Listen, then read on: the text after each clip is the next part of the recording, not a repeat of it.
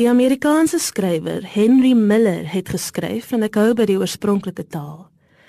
What have we achieved in moving down mountain ranges, harnessing the energy of mighty rivers, or moving whole populations about like chess pieces, if we ourselves remain the same restless, miserable, frustrated creatures we were before?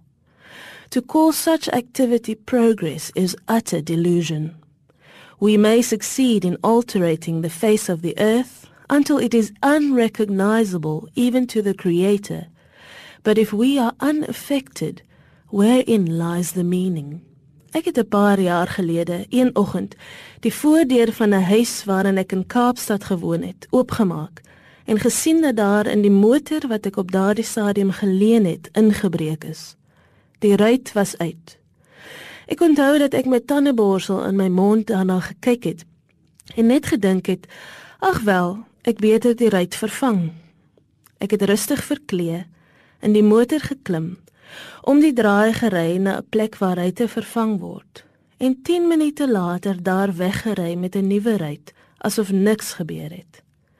Ek het in 'n kort proses besef dat ek besig was om emosioneel afgestomp te word.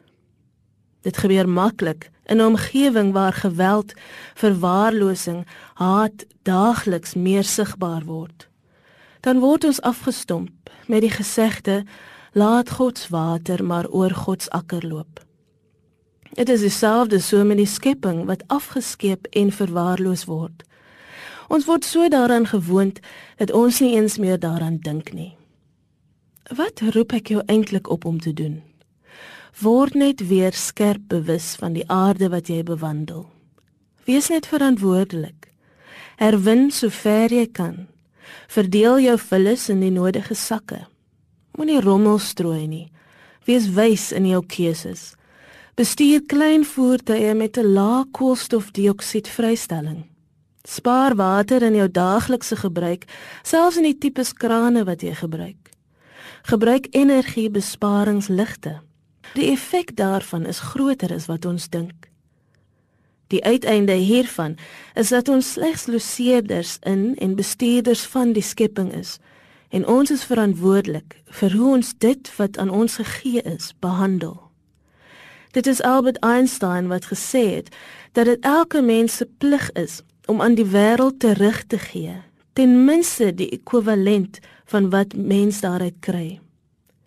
Jesus het daarvan gehou om in gelykenisvorm te praat van ons verantwoordelikheid om dit wat ons kry nie net op te pas nie, maar te bevorder sodat ons selfs beter as wat ons ontvang het aan God teruggee met die grootste dankbaarheid vir die gawes van liefde en sorg.